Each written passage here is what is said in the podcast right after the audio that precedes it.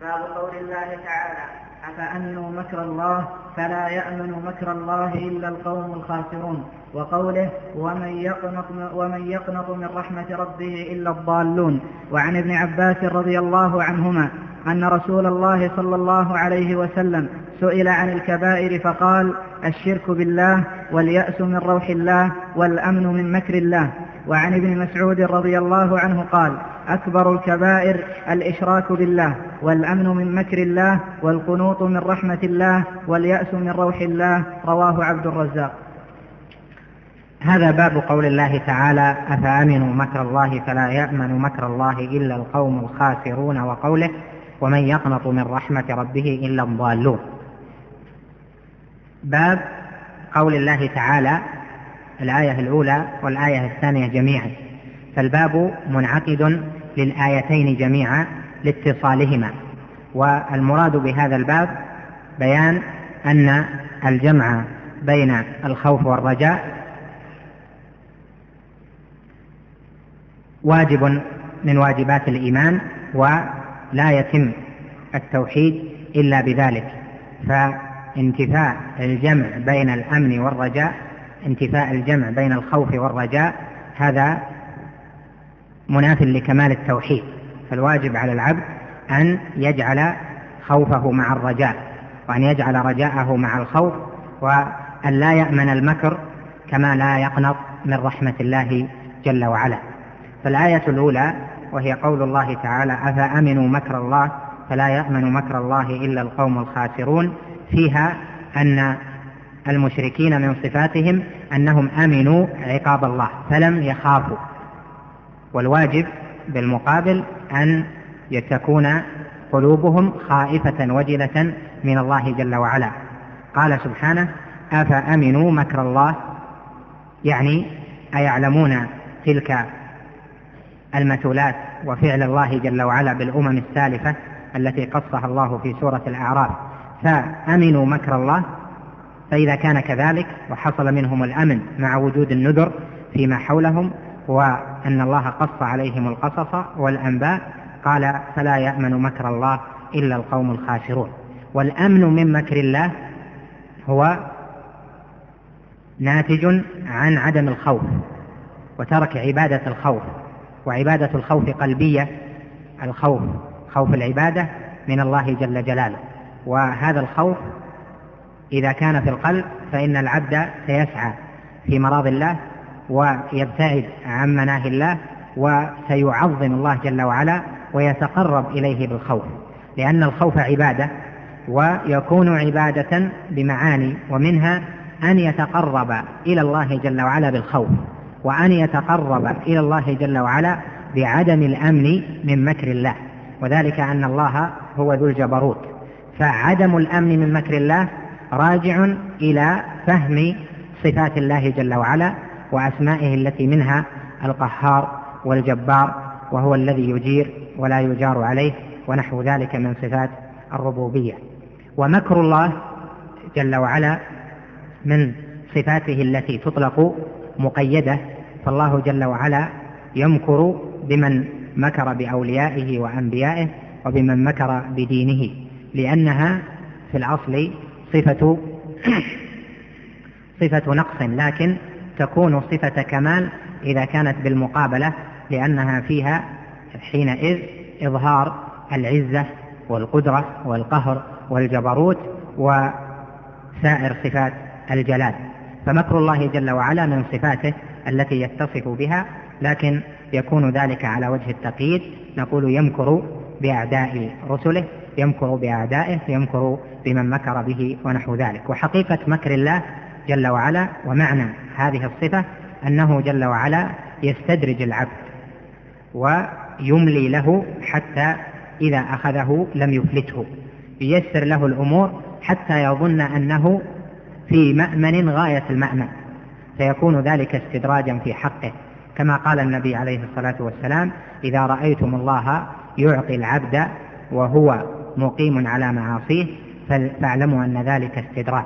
وهذا ظاهر من معنى المكر لأن في معنى المكر والكيد وأمثالهما معنى الاستدراج. لا ترادف في اللغة بل هناك فروق بين المكر والاستدراج والكيد والاستدراج ونحو ذلك لكن نقول هذا من جهة التقريب. فالمكر فيه استدراج وفيه زيادة أيضا على الاستدراج حتى يكون قلب ذلك المستدرج آمنا من كل جهة. قال وقوله ومن يقنط من رحمة ربه إلا الضالون. هذا فيه أن صفة الضالين أنهم يقنطون من رحمة الله جل وعلا. ومعنى ذلك بالمفهوم أن صفة المتقين وصفة المهتدين أنهم لا يقنطون من رحمة الله بل يرجون رحمة الله جل وعلا. والجمع بين الخوف والرجاء واجب شرعا. فإن الخوف عبادة والرجاء عبادة. واجتماعهما في القلب واجب. فلا بد أن يكون هذا وهذا جميعا في القلب حتى تصح العبادة. ومن هنا اختلف العلماء أي الخوف والرجاء يغلب في القلب. هل يغلب العبد جانب الرجاء أو يغلب جانب الخوف؟ والتحقيق أن الحالة تختلف. فإذا كان العبد في حال الصحة والسلامة فإنه إما أن يكون مسددا مسارعا في الخيرات فهذا يتساوى يعني يجب أن يتساوى في قلبه الخوف والرجاء. يخاف ويرجو لأنه من المسارعين في الخيرات. وإذا كان في حال الصحة والسلامة وعدم دنو الموت من أهل العصيان فالواجب عليه أن يغلب جانب الخوف. حتى ينكف عن المعصية. وأما إذا كان في حال المرض وهي الحالة الثانية فإنه مرض المخوف فإنه يجب عليه أن يعظم جانب الرجاء على الخوف فيقوم في قلبه الرجاء والخوف ولكن يكون رجاؤه أعظم من خوفه وذلك لقول النبي عليه الصلاة والسلام لا يمت أحدكم إلا وهو يحسن الظن بربه تعالى وذلك من جهة رجائه في الله جل جلاله. ومن هنا اختلفت كلمات أهل العلم فتجد أن بعضهم يقول يجب أن يتساوى الخوف والرجاء.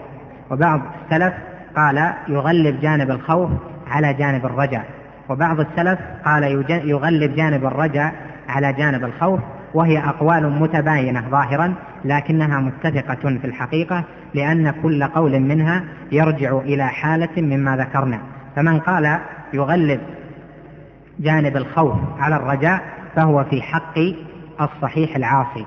ومن قال يغلب جانب الرجاء على الخوف فهو في حق المريض الذي يخاف الهلاك أو من يخاف الموت ومن قال يساوي بين الخوف والرجاء فنظر إلى حال المسددين المسارعين في الخيرات.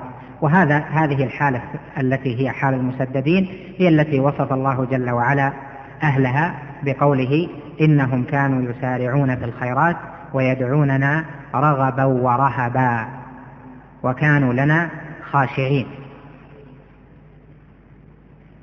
ونحوه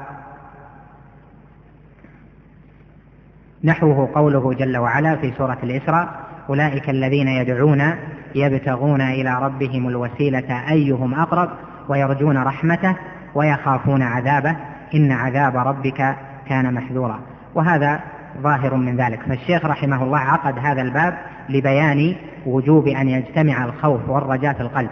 كما ذكرنا لكم بالأمس هذه أبواب متتالية لبيان حالات القلب والعبادات القلبية وأحكام ذلك. قال عن ابن عباس رضي الله عنهما أن رسول الله صلى الله عليه وسلم سئل عن الكبائر فقال الشرك بالله واليأس من روح الله والأمن من مكر الله. وجه الشاهد من ذلك أنه جعل اليأس من روح الله وهو عدم الرجاء ذهاب الرجاء من القلب وعدم أو ترك الإتيان بعبادة الرجاء جعله من الكبائر وجعل الأمن من مكر الله وهو ذهاب الخوف من الله جل وعلا من القلب جعله من الكبائر.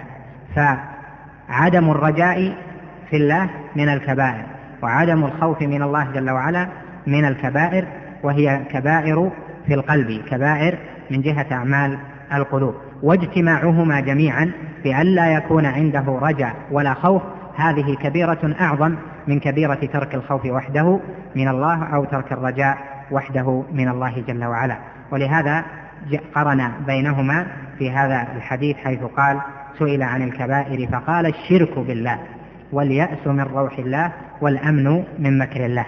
وبهذا يتبين لك الفرق بين اليأس والأمن اليأس من روح الله أو القنوط من رحمة الله والأمن من مكر الله من أن اليأس راجع إلى ترك عبادة الرجاء والأمن من مكر الله راجع إلى ترك عبادة الخوف واجتماعهما واجب من الواجبات وذهابهما أو الانتقاص منهما نقص في كمال توحيد من قام ذلك بقلبه قال وعن ابن مسعود قال أكبر الكبائر الإشراك بالله والأمن من مكر الله والقنوط من رحمة الله واليأس من روح الله.